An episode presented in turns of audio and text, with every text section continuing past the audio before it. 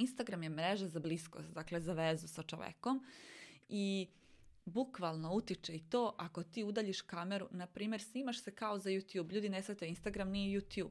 Dakle, to nije snimanje da ja udaljim kameru, sednem i nešto kao pričam. To je da ja držim kameru u ruci. Mi smo pokušali sve i svašta i mi smo imali mnogo nekakvih početaka i mislim da kada nismo istrajali, također nije bilo dovoljno te strasti. I da vidi da li sam proizvod svog proizvoda, da li to što nudim kod mene može da se vidi. Istrajnost ne znači da ti radiš jedno isto kao mazga i sad ja sam istrajan. Istrajnost je zapravo to da ti učiš svoje male lekcije i samo pokušavaš nove načine.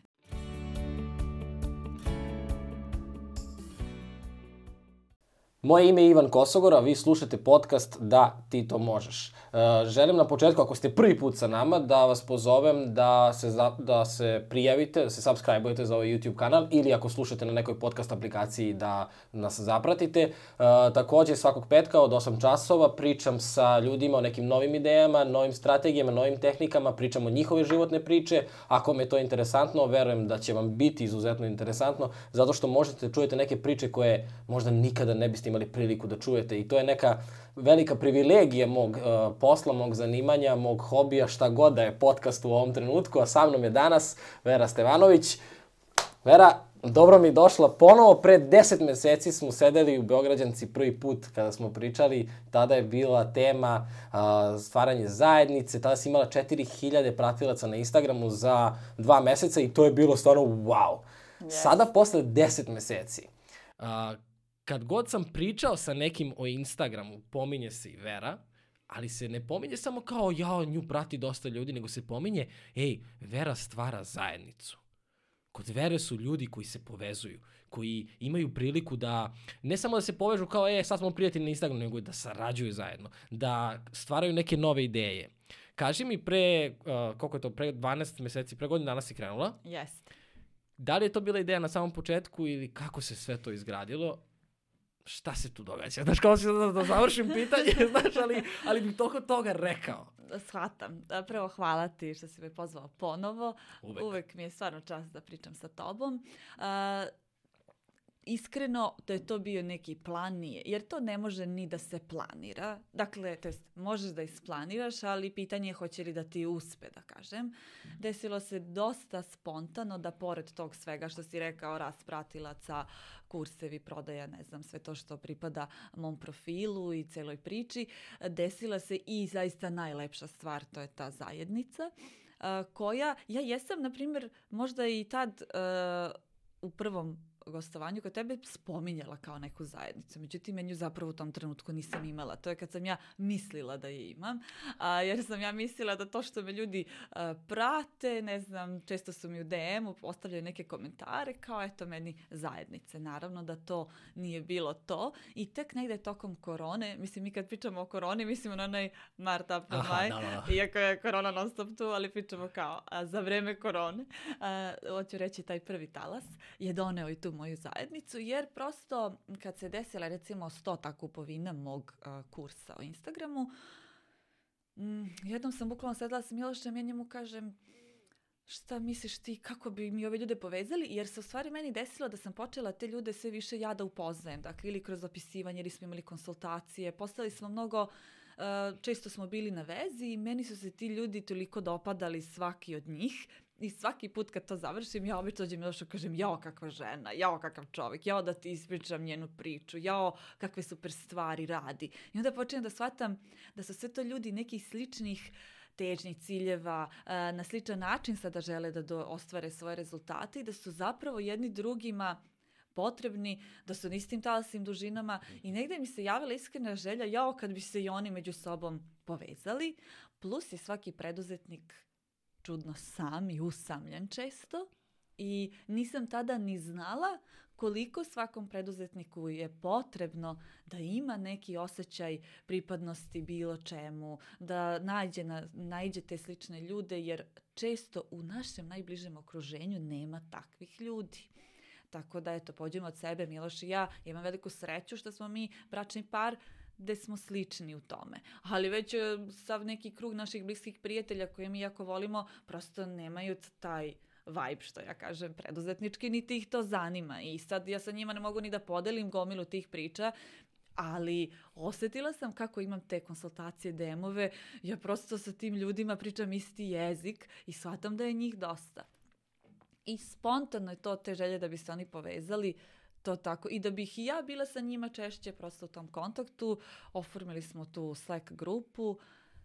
Počela je prilično onako, a, dakle, ništa se ne desi preko noći. Naravno da ta zajednica nije sad, ah, rodila se zajednica. Ja sam imao takav utisak, samo da Eh, znaš. da. I sad kad, si, mi- sad kad mi pričaš to, ja sam stvarno? Zato što sam Da. ja stvarno mislio da je to bum bilo. Znači, Ma kakvi, ne okej, može to- Pričaj mi malo o tome. Da, kako je to, na primjer, išlo, tako što mi otvorimo taj Slack, ja svima koji su kupili pošaljem mail uh, i kažem da se mogu prijaviti u Slack grupu, da ćemo tamo da se družimo, nemam ja još uvijek nikakav tačan plan šta ćemo mi tamo da radimo, ali kao, ajde da se negde okupimo. Izvini, Ja- koliko je da. ljudi sa, do sada kupilo kurs? Pa sada će skoro, ne znam, to je preko 400, svakog trenutka se približava broj od 500, jer trenutno imam Bravo. taj neki moj Ja uh, ću samo da fokus. se ubacim, da pre nego što nastavimo priču, samo da kažem da sam ja prošao tvoj kurs Jeste. i da je za mene, sad ne kažemo kao što si sad ti tu i tako dalje, ja sam to pričao i mojim drugarima, moja drugarica je kupila od tebe Jeste, kurs. stvarno me I, preporučuje. ne, ali zato što je to stvarno jedan od najboljih kurseva, ja sam ti rekao odmah, za me, meni je to toliko pomoglo za podcast, za neko moje razmišljanje, ne samo za, za, za Instagram, ali definitivno ljudima, kako, kao tražim sad pravu reč, zato što nisam uopšte razmišljao da ćemo, da ćemo pominjati u ovom, u ovom smislu, ali kao stvarno dok sam prolazio kurs, osim što mi je tako mojim jezikom si pričao, ja sam sve razumeo i neke stvari koje sam mislio da znam sam bio stvarno? U, wow, kao. Pogotovo recimo, ne- znam, biranje tema, pa kako da objasniš ljudima. To mi je tako dalo neki osjećaj sigurnosti da ja mogu da uradim to. Jeste. Jer znaš, jer nekada prolazio sam neke kurseve recimo iz inostranstva i onda kao, kao shvatim, "Pa, brate, nema teorije da ću ja ovo da uradim. Znaš, s druge strane kad sam prolazio to i, i pisao sam, tu mi sad negde sveska, Jeste. pisao sam sve ono, možda po prvi put da sam neki kurs koji nije vezan za lični razvoj, nego baš kao za strategiju i tako da, da sam stvarno pisao, jer sam htio da vidim šta može da se stvori tu. Znaš, Jeste. i moj, ja sam ti, sećaš se da sam ti odmah pisao kao, ovo nije samo za Instagram. Nije, Ovo da. za sve.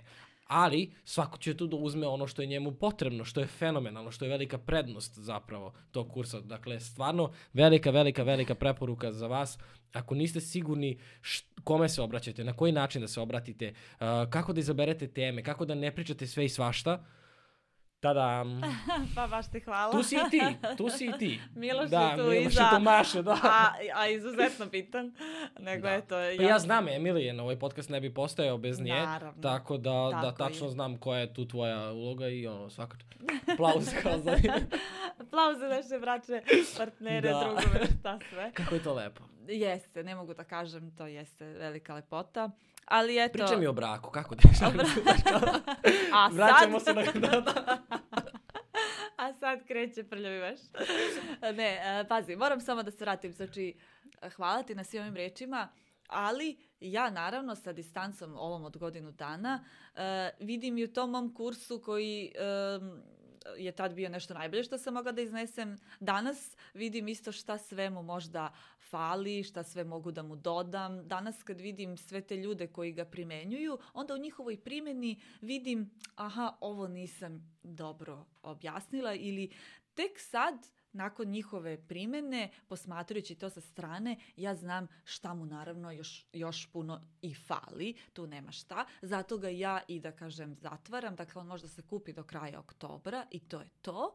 I onda smo spremni možda za neke nove stvari u kojima imam iskrenu želju da bukvalno, jer ja sam rasla ovih godinu dana zajedno sa svim ovim, u suštini meni se ovo pomaže i ja sam onda svaki dan pametnija i učim o svemu tome što i sama, a, o čemu učim druge, o tome i ja naučim svaki dan i u kontaktu sa ljudima i generalno samo iskustvo svaki dan koje stičem i zato osjećam da on može i da se nadogradi na sto načina i bit će to, ali zato eto ovakav kakav je koji naravno ljudima je zaista, mislim, zato se toliko i prodao, jer su ljudi, dakle, nakon neke stote kupovine je krenulo nenormalno preporučivanje. Dakle, ja sam tih svih skoro pa 500 prodaja, u suštini njih jeste 500 zajedno sa, ne znam, mentorstvima, konsultacijama, da kažem, nekih mojih usluga, ali samo kursa ima već preko 400.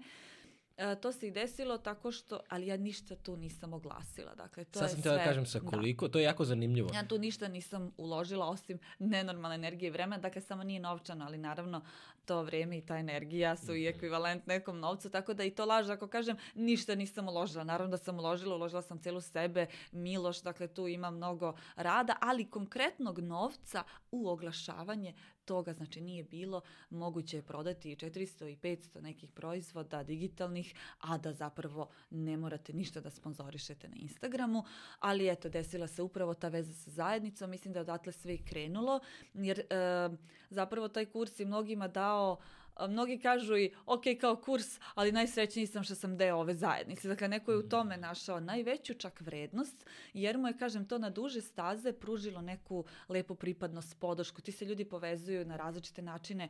Kažem, moram da se vratim na to, jer mi je a, neka cilj mi je da pričamo danas o istrajnosti, između ostalog, jer mislim da je to ključ svega. A, tako se desilo i usled istrajnosti da taj Slack zaživi. Dakle, ta grupa prvi put, ja sam poslala 100 mailova, mislim da se prvi put njih 14 tu u to uskočilo, da kažem. Danas je tu 250 ljudi, dakle naravno da nije svako ko kupi se priključuje zajednici, neko prosto nema uopšte taj cilj, potrebu i tako dalje. Ali to je bilo bukvalno 14 ljudi od 100. Međutim, Kako si se osjećala tada? pa iskreno, mm, kako sam se osjećala, da sam nikako mogla da predvidim... Mislim, jesi imala veće očekivanja? Imala sam, E, to naravno. te pitam, da. Naravno da sam imala i nekako sad šta, ja sam, nisam poslala poziv u Facebook grupu, nego u, u ta, na Slack, to je posebna aplikacija koja je meni Milošu bliska, jer mi smo generalno u tom digitalnom svetu, međutim ljudima je naravno ona, dosta ih je odbilo to kad su dobili, shvatili da treba instalira nešto novo, da to ne zna tu da se snađe. Recimo to je prvo odbilo, drugo tu se ništa zapravo, mislim, on treba da bude prvi koji tu ulazi i ljudi naravno onda nemaju preveliki motiv i to je to. Tako da to je bio i moj neki test da li ja stvarno imam tu zajednicu ili nemam. Naravno da ja u tom trenutku prosto nemam, kažem samo mislim, imam samo lepe odnose sa svakim pojedinačno, ali nemam ja sad neku zajednicu, mene je samo to zavaralo. I ali što je bitno, što je tih 14 ljudi su bili pravi ljudi. To su oni bili meni, da kažem, najodaniji, najbliski, koji su već mnogo razumeli sve i koji su onda toliko krenuli između sebe, zaista je nebitan broj. Dakle, moglo je da se priključi njih 150, a da grupa bude mrtva, što sigurno se dešava. Da bukvalno, mislim, oni su se priključili, ništa se ne dešava. I ako ih je, zato je to bitno i priči za broj pratilaca. Vi možete da imate a, milione pratilaca, a da vam je prazan DM. Možete da imate stotine hiljada, a da ništa ne prodajete. Dakle, ima mnogo faktora, a neko sa 2000 ima pun Tako je. DM prodaje, dakle potpuno je nebitno. E isto je ovo bilo, njih 14, ali tu je krenula takva predivna e, prepiska, savjetovanje, šta mislite ovo, šta bi ovdje mogao da poboljšam. Onda jedni drugima komentarišu, ja vidim tu veliku vrednost, dakle nema broja, ali ima velika vrednost i mene je to toliko dirnulo, onda sam bila presrećena, zaista mi je bilo sad već nebitno koliko ih je i onda šta, mora oko svega da se radi marketing, pa i oko toga. I onda kad sam ja prvi put uslikala nešto sa Slacka, stavila na moj story, i zato što je od njih 14 koji su tu, koji su se toliko lepo tu savjetovali, podržavali, oni su počeli da dele po svojim storima. I bilo mi dovoljno da njih možda dvoje u istom danu zbog neke sjajne tu prepiske to podeli u svom storiju, pa ja podelim, pa se nadovežem da se tamo dešava neka super stvar. Meni toga dana. DM je bio prepun. Daj meni link, daj meni link. A ja svima njima poslala link.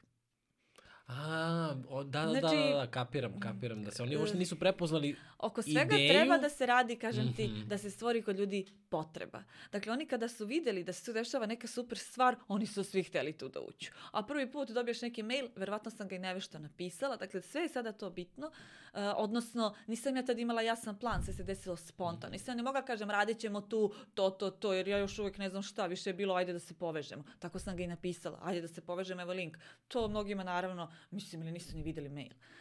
Ali tu je meni taj dan DM izgoreo. Dakle, ja sam ceo dan slala te linkove koje sam već ljudima poslala i tu se onda desi, ne znam, prvih 50, pa već koliko posle i onda je taj Slack postao kao neka vrsta e, ogromne vrednosti koji nudi moj kurs i zbog njega su, kaže, mnogi ga i kupili i zato je počeo i da se širi glas i mnogi su preporučivali drugima, je kupi ga, dobar je zbog toga i toga, a i ući ćeš u ovu zajednicu. E, nevjerovatno je bilo na tom startu pogotovo koliko su se ljudi tu, mnogi su razvili svoje profile upravo zbog te grupe.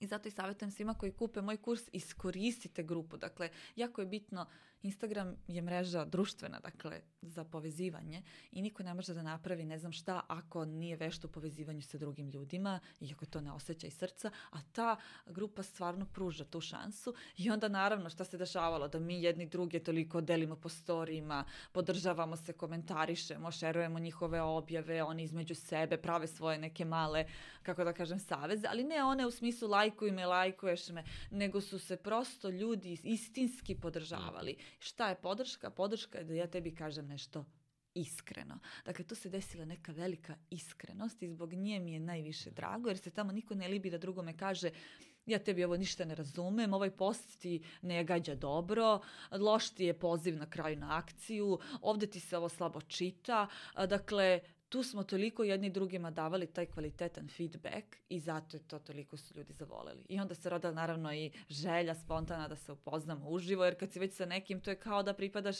već nekom kolektivu i onda smo naravno prvi put se okupili, drugi put naravno da ćemo se ponovo okupljati i ti su susreti stvarno prelepi jer su ljudi sličnih energija, na istim talasnim dužinama i tako dalje. Prosto su se nekako prepoznali. Vjerojatno svako ko me prijam ja, oni su negde slični. Dakle, jer ljudi biraju ipak na kraju druge ljude na osnovu njihove energije i tome slično.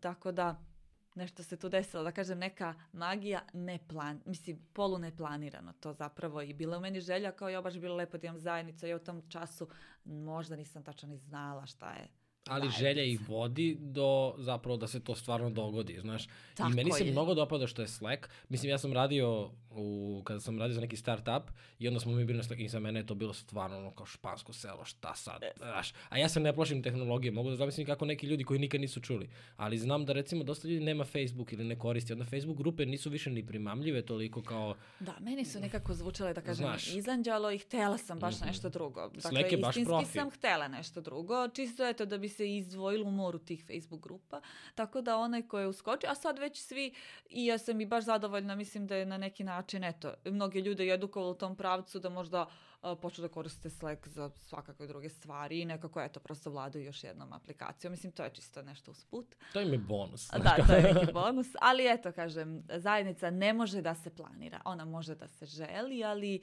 treba, eto, to nešto da se desi što, kako da kažem, ja šta god da sam isplanirala, to da sam pratila te neke korake, boga pite kako bi to izgledalo.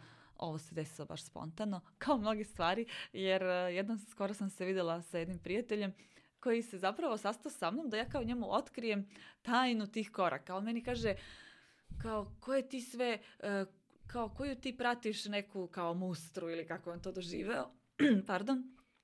Ja kažem, pa ne znam, ja ti to intuitivno On kaže, meni izgleda kao da ti tačno znaš kad šta treba da uradiš, kad šta lansiraš, Tako kad i meni šta izgleda, se dešava. Dajem ti feedback odmah. da. Ali tu je bilo dosta intuicije, samo što sad ta moja intuicija može da se prevede u neki e, sistem. Mm -hmm. To mi je cilj sa nekim narednim programima, da sve to što je intuitivno nama uspevalo, to sad je glavni cilj to pretvoriti u sistem koji drugome radi posao koji može onda da prati korake. Ja ne mogu njemu da tvrdim da će to njemu 100% jer je do njega mnogo, naravno. Kao i taj kurs, dakle on može neko mnogo da otvori e, prozora i vrata u glavi, ali on ako nije istrajan, ako nije uporan, ako ne, ne proba na sto načina, ako ga ne upotrebljava konzistentno, od njega nema ništa. Dakle, nikome neće rešiti jedan kurs ili jedan program, ali jeste nam želja da to nešto novo bude još sto puta i primenjivije, sveobuhvatnije i kažem te neke naše sve korake naredne koji su se desili da prevedemo u neki primenjiv sistem. Rekla si do kraja oktobra 2020. je kurs, mogu da se prijave gde? Sajt? E, ma, DM, na mom profilu, uh, ima naravno link u opisu profila, Uh, i tu će sve da saznaju, normalno da mi pišu DM, tako da to je već neka ustaljena procedura. Dobro. I eto, to je još nekih 15 dana, mislim danas kad snimamo, ne znam kad će ovo biti. Večeras izlazi, o, da znaš. pa eto, vidiš, da, onda znači to je to, 15 dana recimo, još može da se uh, kupi taj kurs i eto, to je to. Ja ću još jednom da kažem, stvarno velika, velika preporuka, zato što, uh, znaš šta, stvarno je velika, velika, veliko je bogatstvo kad imaš uh, znanje koje neko primenio kod nas na našem prostoru i ti odmah i vidiš rezultat. Znaš, ne može sad neko da kaže, o, Vera, šta pričaš, kao, uđeš na profil i vidiš. Jel me razumeš? I to je, to je nešto što, znaš, možda taj način rada ne bi funkcionisao u Americi.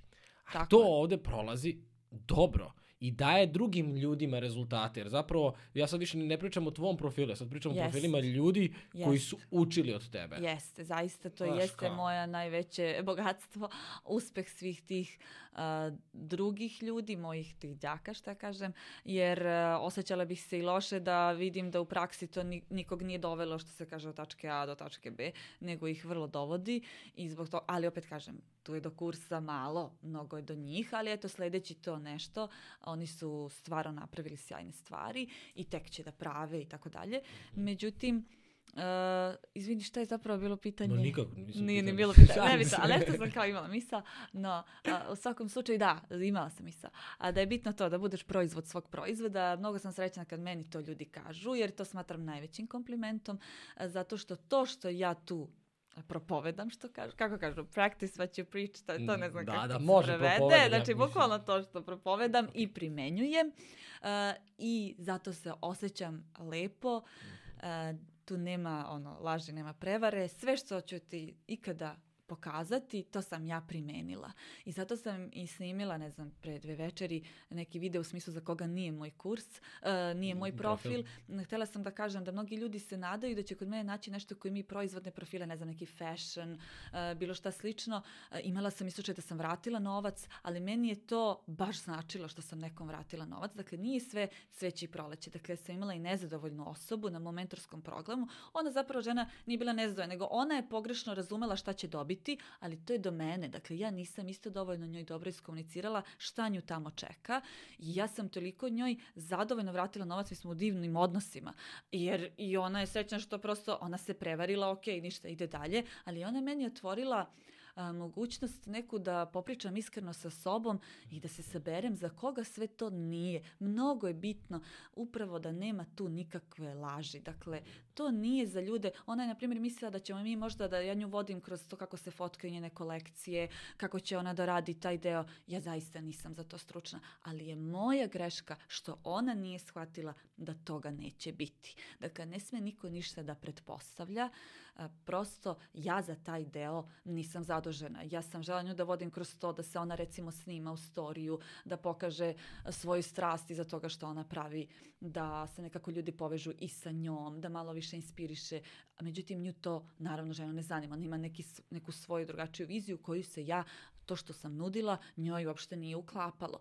I meni je to mnogo pomoglo da bih se još više suzila jer mislim da je najbitnije da ljudi koji vas nađu da 100% će dobiti ono što im treba. Ta je jedna ili deset prodaja, ništa vam ne znači, to je kratkoročni novac, ali ako oni nisu vaše dalje preporuke, ako oni upravo nisu taj glas o vama, nego naprotiv, možda negativni glas, vama to baš ne treba. Dakle, niko nema ništa od kratkoročnog novca koji se neće pretvoriti u dugoročni glas. Meni je i mnogo bitnija osoba koja nikad ništa nije kupila od mene, koja je toliko naučila samo posmatrajući moj profil, ali koja me svuda preporučuje i kaže nekom u razgovoru, e, moraš da je zapratiš, ej, znaš koliko sam naučila, pošto mi se javljaju takvi ljudi, ne moraju nikada ništa da kupe, nekako ih mnogo volim i mislim da oni rade pravu stvar za mene.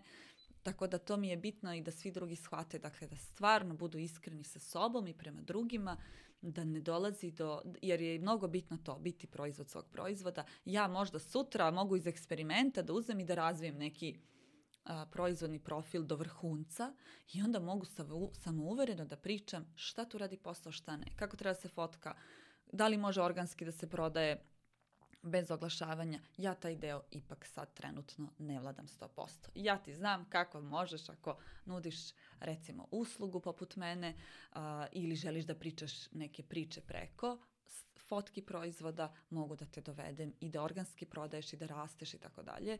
Međutim, ovim ne vladam i ja, zaista je fair da se to kaže.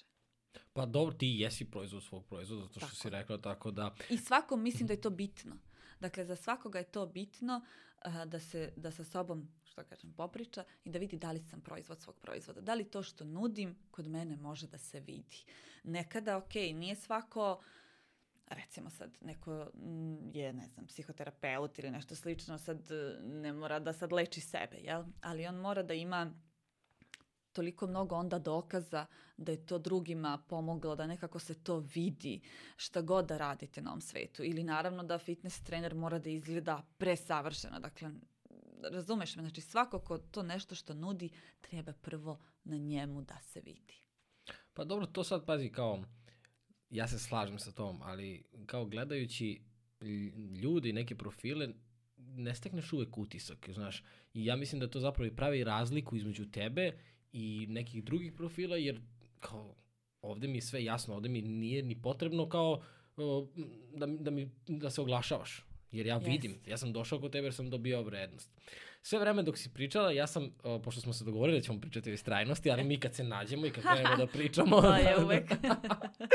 ali zapravo smo dosta toga si spomenulo što je odlika istrajnosti, jer ne bi mogla da napraviš zajednicu, da nisi bila istrajna, da prođeš kroz sve te faze, korake, iskustva, koje te dovelo do toga da možeš da budeš moderator te zajednice na pravi način, jer nije dovoljno samo okupiti 250 ljudi. Tako je. Znaš, mislim, ti znaš. Ali uh, spomenula si nešto malo pre uh, kada si rekao da ti nisu bili bitni brojevi i da ti je bilo važno da tu postoji vrednost. I to je, recimo, kada sam, pre nego što sam krenuo da radim podcast, išao, sam na coaching online je bilo, ali kao, reći ćemo, išao sam na coaching i sa mojim coachem sam pričao, uopšte nije bila ideja podcasta nego smo pričali o tome zašto ja lako odustajem od svega. I sad ti kad, ne znam, pogledaš mene i vidiš, ne znam, knjige, radimo ovo, radimo ono, to je sve za mene bilo, ja sam to nekako sve vidio kratko trajno. Jer ako ne mogu da zamislim da ću raditi to sa 55 godina, za mene to bilo kao, ok, ja to radim sad, ali ko zna šta će mi pasti na pamet preko sutra, ne znam, znaš. I onda smo došli do toga da zapravo ja zavisim od toga koliko je tu ljudi koji to gledaju, konzumiraju, posmatraju. I da je to zapravo nešto što je mene opterećivalo, jer ti ne možeš da očekuješ da, ne znam, ako sutra otvorim prodavnicu veštačkog cveća, da će sutra da kupi hiljadu ljudi to veštačko cveće od mene. Da sam najgluplji primjer, ne znam da, odakle da, mi Da, jasno. Ali ja sam to očekivao. I rekao mi je sledeći projekat koji kreneš da radiš, kreni bez očekivanja u brojevima. Nemoj da vodiš računa koliko je to ljudi videlo, koliko je to ljudi kupilo, koliko ti ljudi poslao poruku. Ko... I onda se, posle ne znam koliko, dva meseca otprilike, rodila ideja podcasta, u smislu rodila ideja radit ću podcast, znači ja sam nekada razmišljao svemu to, ali kao kad budem imao vremena i tako dalje. I evo, više od godinu dana kako radim, bez ikakvog očekivanja. Mi smo tu dogovorili naravno faze da se slavi prvih 10, prvih 100, prvih hiljadu, da se slavi prvih deset hiljada, u smislu kao imamo onaj milestone, ja mislim da se kaže, mm -hmm. da? I kao neke etape koje hoću, e, ok, znači dajemo neku vrednost. Ali sam bio potpuno bez toga, mora da vidi 10.000 ljudi ovu epizodu. ne vredim ništa dok nemam 10.000 subscribera, šta god. Jel me razumeš? Ja te I razumem. to mi je pomoglo da ostanem istrajan. Ali zato što si očigledno našao nešto što ti se radi i sa tih nula a, da. rezultata. E sad, mislim da onaj ko traži mnogo potvrda u brojevima i sve to što si pričao da se i samom tebi dešavalo, to je vratno kad uđeš u nešto bez 100% strasti. Dakle, onda je tebi mnogo bitne su ti te potvrde. Ali kada si ti u nešto, mislim ja ovo sad laički, nisam ja nikakav psiholog ili šta god, ali tako nekako to vidim. Sad već u radu sa ljudima koji razviju biznise i iz naše neke, Miloš i ja, dakle mi smo pokušali sve i svašta i mi smo imali mnogo nekakvih početaka i mislim da kada nismo istrajali, takođe nije bilo dovoljno te strasti.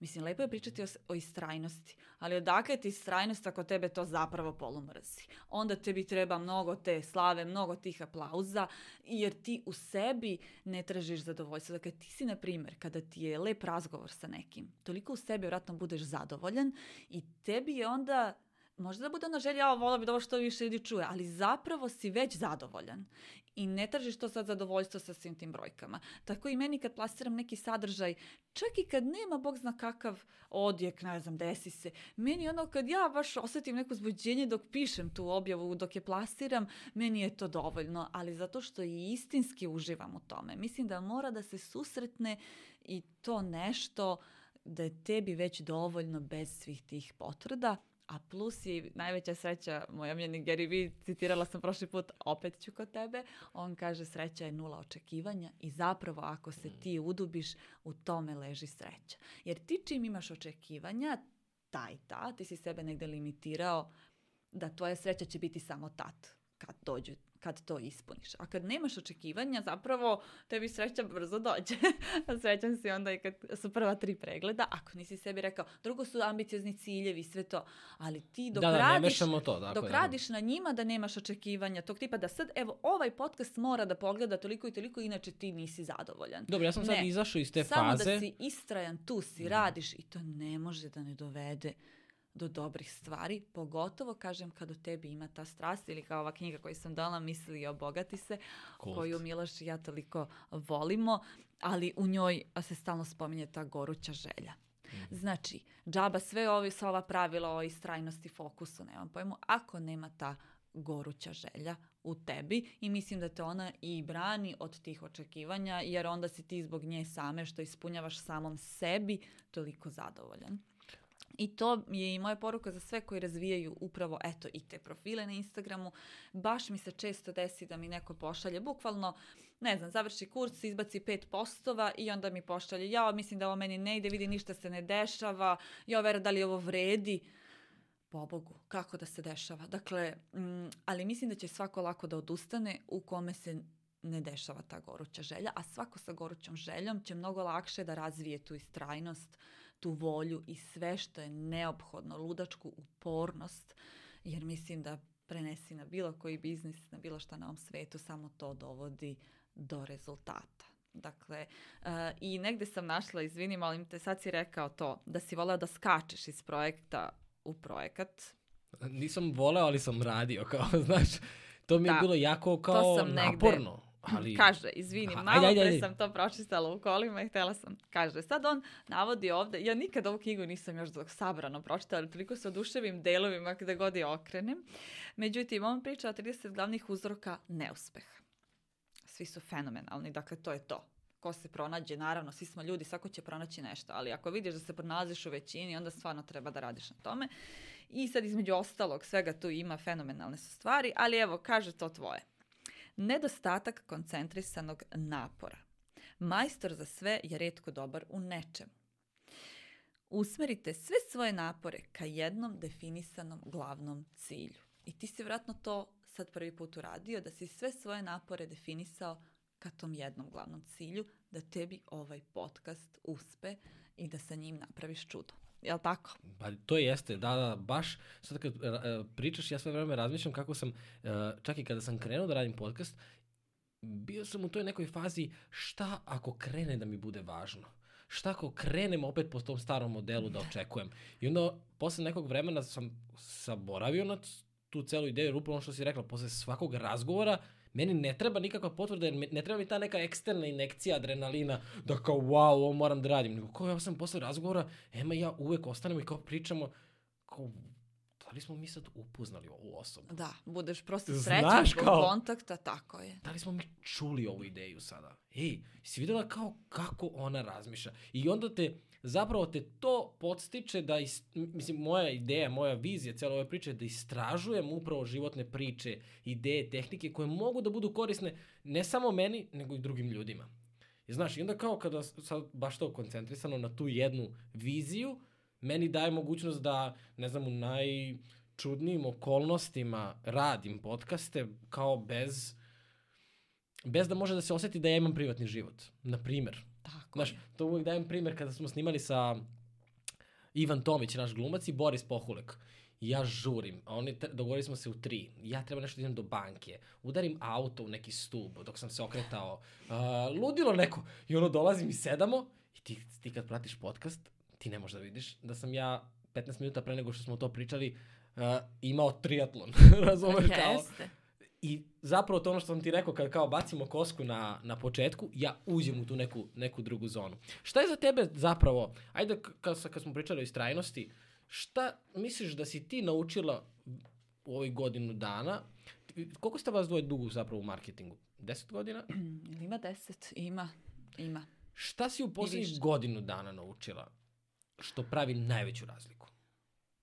A, pa naučila sam o tim vrednostima. Mislim da kogod radi nešto, da, uh, mislim da kad se pronađeš, kako da kažem, mnogo je bitno da se pitaš koje su moje vrednosti ili sutra kad imaš nešto vrednosti tog mog brenda i da se njih držiš. Ja tačno znam, nekako sam susrela svoje vrednosti lične uh, sa mojim radom na profilu i meni onda tu ne treba, to nisu sad neke tehnike marketinga, ako ja iskreno i istinski, sad me glupo pričam kao sad o sebi, to inače zbeg, izbegavam ali na mom profilu. Ali da pričaš o da, ali hoću reći tu i nema ništa sada, ja nešto sad Um, jer i to me, ako me to iritira možda kod drugoga, kad vidim da je stalno ono nešto ja pa ja, ja pa ja, to stvarno ne želim onda ne, ne nikom da priredim. Da, da, nego ti kažem, mm -hmm. uh, to sam nekako onda shvatila, ako je moja vrednost istinski, ja istinski volim da sad kao da pomažem. Ali, na primjer, od uvek sam volila da nekom nešto objasnim. Ja sam se nalazila na XY nekih kafa s ljudima, da ja njima, upravo ovo što sad radim, da ja njima to uh, da im pomažem da oni nešto razviju, pokrenu. Meni se desi da, ne znam, vaspitačica iz vrtića koja, ne znam, uh, prestaje da radi, ne znam, u tom vrtiću, zove mene posle idemo na kafe da joj pomažem kako bi ona, na primjer, od tog svog napravila neki mali biznis sa, sa tim svojim znanjima. Hoću reći da čak i vaspitačica u vrtiću gde sam ja samo odvodila dete do vrata i negde prepoznala da bi mi mogle o tome da pričamo i meni je toliko bilo zadovoljstvo da idem da ja to njoj objašnjavam, da joj dajem predloge, da je vodim kroz neke korake kako ona da se pronađe, da nađe neki pravi program za sebe i tako dalje. Hoću da kažem, to volim prosto da radim, znači volim da pomognem, uh, volim tu istinu, znači istina mislim da je mnogo bitna i sve to onda negujem i našla sam onda i ljude u mojoj zajednici, to su sve takvi ljudi, nećeš verovati, to su bukvalno sve takvi ljudi, tačno prepoznaš da na isti način funkcionišu i kako kažem, pitao si me, ne znam o marketingu, ali ja ne znam sad taj moj marketing uh, je najmanje taj neki marketing. Naravno da ima marketinga u smislu uh, sve to što pokušavam da objasnim ljudima, ja samo pričam o tim naslovima, ali naslovi su bitni. Zašto? Zato što je danas čovek mnogo kratke pažnje. Dakle, on scrolluje, on pokloni vašem sadržaju sekund, uh, tri, to je to. Dakle, mora da se uhvati pažnja. To na stranu sve ovo što pričam, ali da nema isto tih malih trikova, naravno. Mora da imaš, ne znam, taj dobar naslov. Znači, moraš da privučeš pažnju. I što ljudima u zadnje vreme mnogo pričam, da moraju da se otvore, da se snimaju, da budu svoji. Dakle, sve je to bitno. Ne može niko da uspostavi odnos sa osobom ako ne zna s kim. Dakle, niko ne može sa nekakvim postovima da uspostavi odnos. Mora čovjek bude spreman da se otvori, inače teško će, upravo marketing, pošto služi prodaji, ja sam sad zaključila da prodaje čovek. Dakle, ne prodaje ništa drugo. Kad pričaju, ne znam, prodajni levak, ovo ono. Mislim, za mene je levak osoba. Dakle, davanje vrednosti, osoba. Jer možete vi da ispoštujete sve te korake iz tog levka, ali ako nema, ja zapravo nisam stvorila nikakav odnos da ja jedva čekam da učimo te osobe da baš to njeno kupim. Ja ne znam koji je to levak najiskrenije, osim ako u taj levak neću da dam, ne znam, 100.000 evra oglašavanje, pa naravno da će nešto od toga i da se vrati. Pričam o ovom nekom organskom levku, a, gde mislim da taj marketing i prodaja se svode upravo na to da budete svoji. Meni je to sad najviše pomoglo, što prvi put mi nije bilo ni glupo da budem mhm. baš svoja, i to me je dovelo do neverovatnih rezultata, što nijednog trenutka ne filtriram neku svoju misao, radnju, ne pitam se je li ovo glupo ili kako ovo treba po marketinškom učbeniku, ne, znači zaista, zato ti kažem, stvarno intuitivno radim većinu stvari i puštam toj svojoj intuiciji, dakle, uh, to je za mene najbitnija lekcija ovih godinu dana, da sam mogla da budem baš svoja i da mi to daje rezultate, da se uopšte ne opterećujem jel se to tako radi, jel to tako treba, da li to se preporučuju marketinški stručnjaci. Prosto tako sam osjećala i to me dovodi da stvarno to ljudi osete. I to mi je bitno da bi svako čuo, jer samo tako u bilo kojoj drugoj sferi, ne pričamo uopšte o marketingu kao takvom, bilo ko drugi ko pokušava na mrežama da razvije biznis, on mora biti svoj, da se otvori. Dok god se ponaša nešto poželjno i kako treba, mm, to neće da dovede. Evo, da ti samo kažem primer snimanja. Recimo, Instagram je mreža za bliskost, dakle za vezu sa čovekom i bukvalno utiče i to ako ti udaljiš kameru, na primjer snimaš se kao za YouTube, ljudi ne svete Instagram nije YouTube. Dakle, to nije snimanje da ja udaljim kameru, sednem i nešto kao pričam. To je da ja držim kameru u ruci. Držim je u ruci, pričam s ljudima i ja sam njima onda bliska. Čim ja udaljim to iz moje ruke, već je neka distanca. Skoro mi se desila jedna ovaj, divna žena na mom mentorskom, kao prazan mi DM i to. Ja pogledam njene, kad smo kretali, ja pogledam, svaki njen video je bio tako udaljen. Ona sedi i priča. Ko će da ti piše? Niko. Znači dana kad je počela da se snima iz ruke, kakva je to minimalna stvar, ali to kreću odgovori, DM, ljudi žele komunikaciju, jer nekako osjećaju kao da su seli sad sa njom na piće, a dogod je ta udaljena kamera i ti sad tu nešto, tu nema ljudskog e, kontakta i ne može da ti bude pun DM. Mislim, pričam o tome, vjerojatno taj pun DM ekvivalent svega. Dakle, on pokazuje koliko ćeš da prodaješ i koliko si ubao dobru temu i koliko dobro znaš da komuniciraš sa ljudima ako ti je pun DM. Ako ti nema, ako ti je DM prazan, moraš da se preispitaš, da pokušavaš nove načine, jer to je ta istrajnost. Istrajnost ne znači da ti radiš jedno isto kao mazga i sad ja sam istrajan. Istrajnost je zapravo to da ti učiš svoje male lekcije i samo pokušavaš nove načine. Dakle, to je jako bitno, da ti čitaš te znakove i da svaki neki i loš odjek nečega ti bude sjajna inspiracija za šta mogu drugačije, šta mogu da promenim i to je sjajno. Mislim i što ti ova mreža daje to da ti možeš ta poigravanja da radiš stalno, da stalno pokušavaš nešto novo, nema ograničenja i da se uopšte ne osvrćaš za nekim lošim rezultatom. To je najbitnije. Dakle, da tebe taj jedan peh, loš rezultat, šta god, nepopunjena radionica, nešto neprodato, samo je bitno da se upitaš zašto mi se ovo desilo. I u toj analizi ti ćeš sigurno izvući zaključke i kako ti možeš potpuno da se podigneš, da ideš dalje i da to posle uspe. Dakle, samo se pitaš šta mi ovo govori, zašto mi se ovo dešava. Nisam prodao radionicu, zašto? Kakav je bio moj sadržaj pre? Kako sam pozivao? Da li sam ja o toj temi već, da li je percepcija ljudi da, da mi mogu mnogo verovati? Da li sam se dovoljno otvorio? Da li sam požurio? Dakle, to su sve pitanja koje onda samo čovjek treba da se presabere. Ok, imam zaključke, sad sam bogat, idem dalje. Znači, to je ta istrajnost. Dakle, i što neće neki mali porazi ili neke male, to ti pričaš da si imao te pred um, taj podcast pehove, bukvalno životne, ali kad si ovde seo, to je ta istrajnost. Da ti nisi onda rekao, ne, ne, ja danas ne snimam i ja narednih deset dana nisam funkcionalan. Dakle, ti ljudi teško će nešto da naprave koje uzdrmavaju ti mali pehovi, da kažem. Ja sam ih imala mnogo, Znači, to mi je bitno da podelim, da sam za ovih godinu dana, nije to samo rast, ludilo zajednica, prodaja, prvo, to je ludačka, ludački trud gde ja svako veče uspavam decu u 9 i do 1 radim. Dakle, Uh, naravno... Baš kao Gary što kaže, znaš? Eto vidiš. On kaže do, Jeste. do 8 radiš, od 8 do 2 imaš vremena da... Jeste, svako ko kaže da nema vremena, zapravo nema tu goruću želju. Da. I okej, okay, nismo svi za to. Dakle, ja sve ovo pričam za nekoga koji istinski ima to u sebi, uh, preduzetnički duh, nije mu teško da se cima. Postoje ljudi koji stvarno žele uveče naravno samo da gledaju seriju i to nije ništa loše, oni samo nisu za preduzetništvo. Onaj ko hoće sve ovo, on mora da se odrekne te serije. Znači ja svako veče, naravno da sam iznurena kao i svaka druga majka. Mi imamo pomoći minimalno, dakle povremeno bake nam uskoče, ali zapravo ja sa dvoje dece vrlo volim i da sam u njihovom životu zaista uh, majka na pravi način i e, što kažu ako nisi umoran uveče kao roditelj nešto radiš pogrešno. Znači ti bukvalno moraš biti iznuren uveče ako si se istinski dao svemu tome.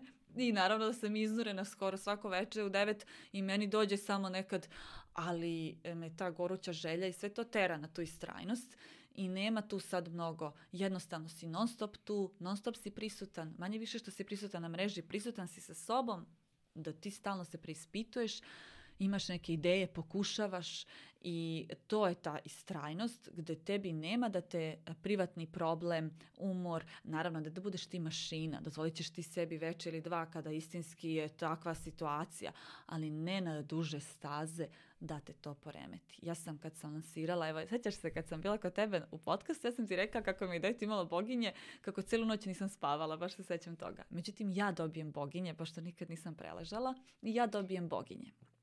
I ja sam tada dve, tri nedelje, pošto kad dobiješ u 30. boginje, to je ovaj priličano rizik po tvoje zdravlje. Da, ni ja nisam preležao. Eto, čuvaj se, jer da. iskreno, dobro je što ti tad nisam prenela, jer ja sam već to vratno nosila. Sve u svemu, I to me proganjalo, ti si mi to rekao, sećam se, ali ništa ti nije bilo. Mm. Ja sam ovaj, posle dve, tri nedelje bila potpuno neupotrebljiva, pre svega bila sam istinski loše, druga stvar, doktori su me upozorili na nekom nivou koji mene uplaši u smislu da shvatim ovo vrlo ozbiljno stanje i ja sam onda ga tako i shvatila. Ali ja sam tada lansirala svoj kurs, izdala 5-6 modula Mnogo ljudi mi je uplatilo novac, a ja sam rekla da će do kraja decembra sve da bude naravno podignuto. Ja sam onemogućena da to ispunim. Znači ja te dve, tri nedelje sam potpuno loše, pritom oboje dece mi imaju Bogi, naša kuća je bila ono u jednom posebnom stanju. Lepo što možda se nasmeš sada. A, znaš. Mogu, naravno, a bilo je tu zaista raznih scena koje su nevrovatne. A, međutim, u tom trenutku Miloš ima neku upalu, ne pitajte. Znači, mi smo svi ležali svo četvoro, znači svega je bilo. I kakav kurs, znači ja da mogu njega da isprodukujem. Jesam ljudima to obećala. Znači na svakom trenutku u kursu piše ova lekcija će biti do kraja 2000, 2019. Do, do kraja decembra. To ne mogu da ispunim. Znači ja sam sve napisala, opet kažem, iskrenost. Znači bitno znaš koje su tvoje vrednosti. Znači moja vrednost je iskrenost, ja ću sada biti iskrena. Jer ja, nema drugog načina. I ja sam sela ljudima iskreno napisala mail da iskreno se tako osjećam. To i to se desilo. Ja nisam u stanju da ispunim svoje obećanje, ali mogu da im obećam da čim budem dobro, to će da, da bude isporučeno. I, na, i, I lepo sam rekla isto vratit ću novac svakome kome ovo ne odgovara. Jer je bilo možda ljudi kojima mnogo bilo bitno da je to kraj decembra jer on hoće 5. januara da započne taj neki projekat po mom kursu. On ima pravo da kaže ja sam prevaren Bukvalno. Međutim, zaista niti ko traže novac, svi su imali interesova, i razumevanje, ali sam bila stvarno krajnje otvorena prema njima. Desilo se što se desilo, ali mene to stvarno poljuljalo, kako da ne. I onda sam ja morala dana kad sam se oporavila da to produkujem nenormalno, da to istinski se ljudima isporuči. Ali kažem, i stranost je to da ti ne kažeš sebi, a ne, ovo nije za mene, vidi ovo, prvi put kad se razbolim, ja više ne mogu da isporučujem ljudima, ko zna šta me sad čeka, ima malo decu, bit će bolesna, lupeta. Znači, ako tako kreneš, to je put u propast. Znači, akcija leči sve. Samo idem u novu akciju, ok, sad sam bolja, nema to sad jadikovanja, osvrtanja.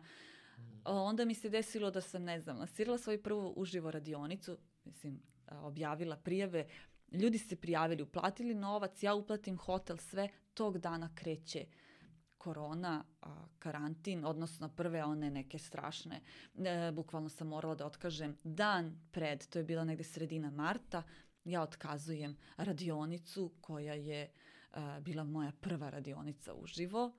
Hoću da kažem, svega ima. Ja sam naravno njima svima onda to individualno nadoknadila, sa svakim sam imala individualnu konsultaciju, ali hoću ti kažem, nije sve sad to kao teče kao med i mleko. Tu ima hiljadu jedna situacija i upravo je to istrajnost. Ok, kako mogu da rešim ovu situaciju, idem sada dalje. Meni se sinoć desilo da mi je beba plakala u lajvu, toliko neutešno. Uh, da sam morala da je uzmem, iako su to bili baka i tata, niko nije mogao da je smiri, ja sam morala da je uzmem, onda je beba bila u live, onda je počela da urliče u live-u i ja sam morala da prekinem uh, taj live. Jesmo možda gotovi, ja pričam. Ne, ne, pričam, pričam, pričam. A, I ja sam morala da prekinem taj live, da se izvinim ljudima, da držim u naručju moje uplakano dete. A, kako da kažem, naravno da mi je to bio stres. Znači, neću da lažem. Sve kreće u nepredviđenom smeru ali hoću kaže toga će da bude puno.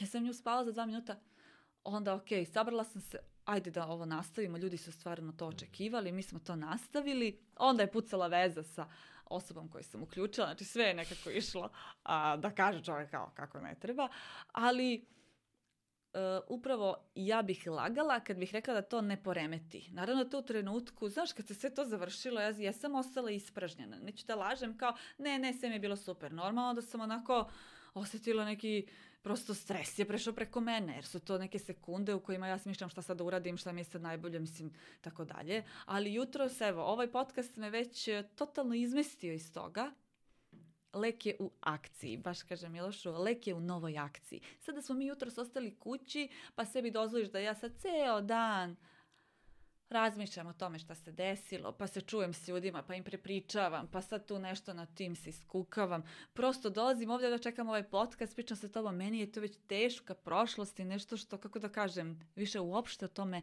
ne razmišljam. Drago mi je zbog, sve vrednosti koje sam u toj live dala uprko svemu, jer je baš ima i bilo mi drago što i pored svih tih uslova su ljudi mogli da čuju to što su čuli i to je to, ideš dalje. Znači to je ta istrajnost, ideš dalje. Nema, svidjelo mi se mnogo, a, ti ugošćavaš a, Srđana Zirojevića često, a, on priča sjajne stvari i mnogo mi se dopalo jednom i on rekao kod tebe na početku, u prvom ovom mislim kad je prvi put bio, Aha. nešto kao antilopa, lav, sećaš se to možda? A, kada pojuri, an, an, a, kada lav pojuri antilopu, nešto je pričao za kortizol i za tako Uglavnom, on nju kad pojuri, ne znam, ona se uspe da pobegne, ona, on je to tako dobro rekao, ona posle ne razmišlja ceo dan, jao šta mi se desilo, jao napao me lav, ona Da. ide dalje. I, Posle 15 minuta one, zab, one, One se vrate u sadašnjost. Mislim, ja ne kažem da mi budemo neki, ali zaista nekad treba da učiš i od tog životinskog sveta. Šta imaš ti od toga da se sad ceo dan vraćaš ili da te to nešto poljuljava? Ajmo dalje, imam nove ciljeve, izući ću od toga najbolje. To je to. Ideš dalje, to je ta istrajnost. Ona samo znači da će biti svega, ali da ti treba da ako se jasno držiš svog cilja i imaš tu svoju želju, onda ćeš se prilagođavati tim situacijama i samo ići dalje. Mislim, to je ono što ja sada smatram da je zlato i da mi je bitno za svakoga da čuje ko, kažem, ima neke male pehove, neuspehe, šta god da mu se dešava, zaista sigurna sam da niko ko je postigao bilo šta mogao bi da nabroji nazad hiljade nekih malih smetnji koje su se desile i što kažu razlika između ovo koji uspeo i koji nije je samo što je ovaj pokušao još jednom. Znači, to je to. Da, da. Ali, znaš kako isto je, sad dok te slušam, razmišljam koliko je zapravo tvoj fokus uvek na vrednosti i na davanju i na tome, Istina. ej, ovi ljudi su se ovde okupili da bi nešto čuli što ih zanima, nešto što je vredno. Njih, ok, desilo se ovo sa bebom, ali to traje jedan minut, a Tako live je. traje 60 minuta. Istina. I on ti to zapravo kao, meni je to isto kao, nikog ne zanima što sam ja udario auto sada u, u banderu dok sam se parkirao. Ja mogu sam da pričam o tome, ja sam se malo uznemirio oko toga. Normalno. Ali ljudi koji su pritisnuli da slušaju mene, Borisa i Ivana, nisu tu pritisnuli da bi slušali o autu. E me Tako razumeš? je, I kao je. meni, ja sam to ručio kod Dubovića, meni je on tako nekad tim nekim, znaš koliko je dobro kad imaš mentore, koliko sam ja srećan zbog svih ljudi koji mogu da uče od, od tebe, ne samo preko Instagrama, nego i kroz, kroz svoju grupu i zapravo što tako nekim tim sitnim stvarima tebi zapravo to oblikuje mnogo budućnost. Znaš, jer on je meni tako govorio, kao, ne znam, imamo ne, neko, neko predavanje i cela sala miriše na meso u Nišu. Cela sala. Ne možeš da veraš. Kao da smo ušli da ručamo. I naravno da te to uznemiri. Dođeš iz Beograda, putuješ, imaš ograničeno vremena da se pripremiš. Kaže meni, sedne i kaže, ok, pokušat ćemo ovo da rešimo, otvorit ćemo sve prozore i tako dalje, ali ja moram da se, moram to uradi, ja moram da se fokusiram, ljudi su ovde došli da čuju vrednost. Istina. Znaš kao, to ti ostane urezano i to ti stav- stvari daje i ono što si rekla jako važno za istrajnost je da nešto to voliš da radiš Jeste. i da imaš strast i da budeš uporan, ali moraš isto da imaš dobar i osjećaj za, za to što radiš. Ne znam da si čitala knjigu Ikagai, Mm-mm.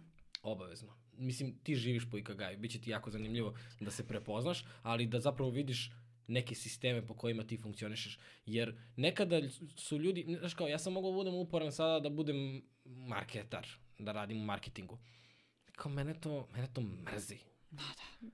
Ti bi posle tog jednog plakanja nikad više se ne bi Tako ni u što uključio. Tako Opet je. kažem, mora da se susretne ta želja u vama, ta strast, jer ipak bez svega toga nije moguće sve te druge principe, fokusa i strajnosti, sve to što dovodi. Dakle, bez fokusa i strajnosti istinski nema ničega, jer može i neko da ima strast prema nečemu, ali ne udruži ovo, opet nema ništa. Znači, samo sve to udruženo će da dovede, ali je ipak prvi uslov ta želja. Molim te evo ovde, molim te, puno sam ove knjige, ali je sve fenomenalno. Evo ovde ima rečenica, kaže, moć volje i želja kada su pravilno iskombinovani čine nezaustavljiv par. Znači, moć volje i moć želje. Možemo to. to da bude i kao poruka za kraj našeg Može. današnjeg druženja. Meni je stvarno žao što sad kao prekidam ovaj razgovor, Mora jer se, mi mora možemo se. da pričamo tri sata, ali se radujem da se ponovo, da se ponovo družimo. Uh, imamo novu sekciju pitanja i kao postavljam pitanje svakom uh, sagovorniku na kraju, Dobro. a to je jako je zanimljivo pitanje. Ajde. A, barem meni. I reakcije ljudi koji su kao... Uh, o, Imam sad, sad sam te pripremio. da, da. Ajde, to je. Šta si naučila u mladosti što ti danas pomaže u poslu i u životu? Šta sam učila? Kad kažeš, ja sam Mislim, mlada, si- mislim, koja je si- mladost? da, šalim se, šalim se. Koja je mladost? Znaš šta misliš? Isto kad su me tako pitali. Kao detinjstvo? Ne, Šta god, neka da, kao... može. Mislim da si mi ti dala odgovor, neću da kažem, ali hajde ti kaži sada. Ne, pa a, bukvalno šta sam naučila? Iskreno, sve ovo što danas primenjujem, negde mi se istinski kroz neke životne situacije a, ne pričam nikad ni o ničemu a, toliko privatno, ni da mi je to neko pravilo. A ne, nisam mislio, nego recimo kao ti si sve vreme Da, da, pričala nego o istini, koliko kažem- ti je bitna istina. Jer to nešto što vučeš iz mladosti, da si u- tako Pa ne baš, mislim da sam šta ja na tome radila, Mhm. na tome sam radila, jer iskreno mislim na našem podneblju se slabo to odgaja u tom smeru, više se odgaja u smeru pazi šta će ljudi reći i u tom smislu se baš i potiskuje ta istina. A, tako da na tome sam radila, a, a mislim radila samo sa sobom nekako. Počinjala da shvatam da mi to prija i sa svojim suprugom jer nekako smo oboje u tome, mislim da smo se a, oboje na to usmeravali zajedno, ali sam se upravo naučila, zaista se ne šalim toj strajnosti, eto imala sam ja određene zdravstvene probleme, nisam bila baš zdravo dete, imala sam grozan oblik ekcema koji bukvalno je nezamisliv e, i sa njime sam funkcionisala, to je istrajnost, dakle znala sam da krenem u školu, a da se bukvalno sve lepi za mene jer uh, ja sam imala strašne kožne probleme. Uh, znala sam da me ljudi gledaju, znala sam da nekako to ne izgleda najbolje. Uh, ali eto, srećna sam zbog dece koje su to jako dobro prihvatala. Naprimjer, nisam imala problem u društvu, ali zapravo sam bila svesna od malena da me neko gleda, da me ljudi zagledaju, da prosto nekada me sve toliko svrbi da ja ne mogu da funkcionišem, ali se isfokusiram, ne znam, na tu školu, na taj zadatak, a, na bilo šta što je predamnom. Pravim se da toga nema. E, I mislim da mi je to možda i istreniralo, što kažu, eto, da treba biti zahvala na svakom problemu. Mislim da me taj problem i istrenirao da ja se tako ne dam lako, ako je plakala beba u lajvu da narednih pet dana a, o tome mislim, idem dalje, jer kažem, bilo je situacija, nije me sad baš mazilo u detinjstvu, um, svašta a, nešto još, u smislu da je bilo toga da moram da se e, prosto napravim da je sve okej, da bi mogla da isfunkcionišem. Tako da e, Ipak je dobro e, pitanje Pričam ovo sa Milošem često a, da a, smo svesni da neke teža iskustva izlače najbolje iz ljudi, a s druge strane ti svoje deci ne želiš kao ta teška iskustva. I stalno sam tu negde da ne znam a, da li je dobro ovo, ovaj neki Disneyland koji mi njima pravimo. Svi smo mi sad krivi ove generacije, nekako svi smo se tako postavili, a mi smo često ponosni na naša teška iskustva, ja sam i izbeglica i svašta je to bilo, nula nekog uh, happy detinstva, a sad sam kao, smatram da to izvuklo iz mene najbolje. A s druge strane, šta će sad iz naše dece izvući sve ovi neki Dobro, vidjet ćeš, možda će se promeniti svet u kom će se cijeniti upravo ovo što oni sada E, prolaze. To kažem, da. Ali recimo ja sad pišem knjigu i baš sam napisao rečenicu teška iskustva olakšavaju život. I to je istina, hvala tome svemu, Tako istrenirate je. neverovatno, tako da to je ovaj, sigurno nešto što, e, mislim, svako treba da pronađe u nekom svom, nazovimo teškom iskustvu, opet to je sve ništa za ljude sa nekim mnogo većim problemima, ali eto, Ali, svako ima da. neko svoje malo teško iskustvo, stvarno treba da je zahvalan, jer sigurno mu je posle pomoglo, eto, na kraju možda i ovo moje u biznisu, sad mi ide lako zbog tih nekih stvari. Sigurno, sve je povezano. Hvala ti puno na današnjem druženju Hvala tebi. i uh, hvala svima vama koji ste slušali, gledali, pratili, zapratili, lajkovali, komentarisali, šta god, sve. Ćao, ćao svima, vidimo sledećeg petka. Hvala. Ćao!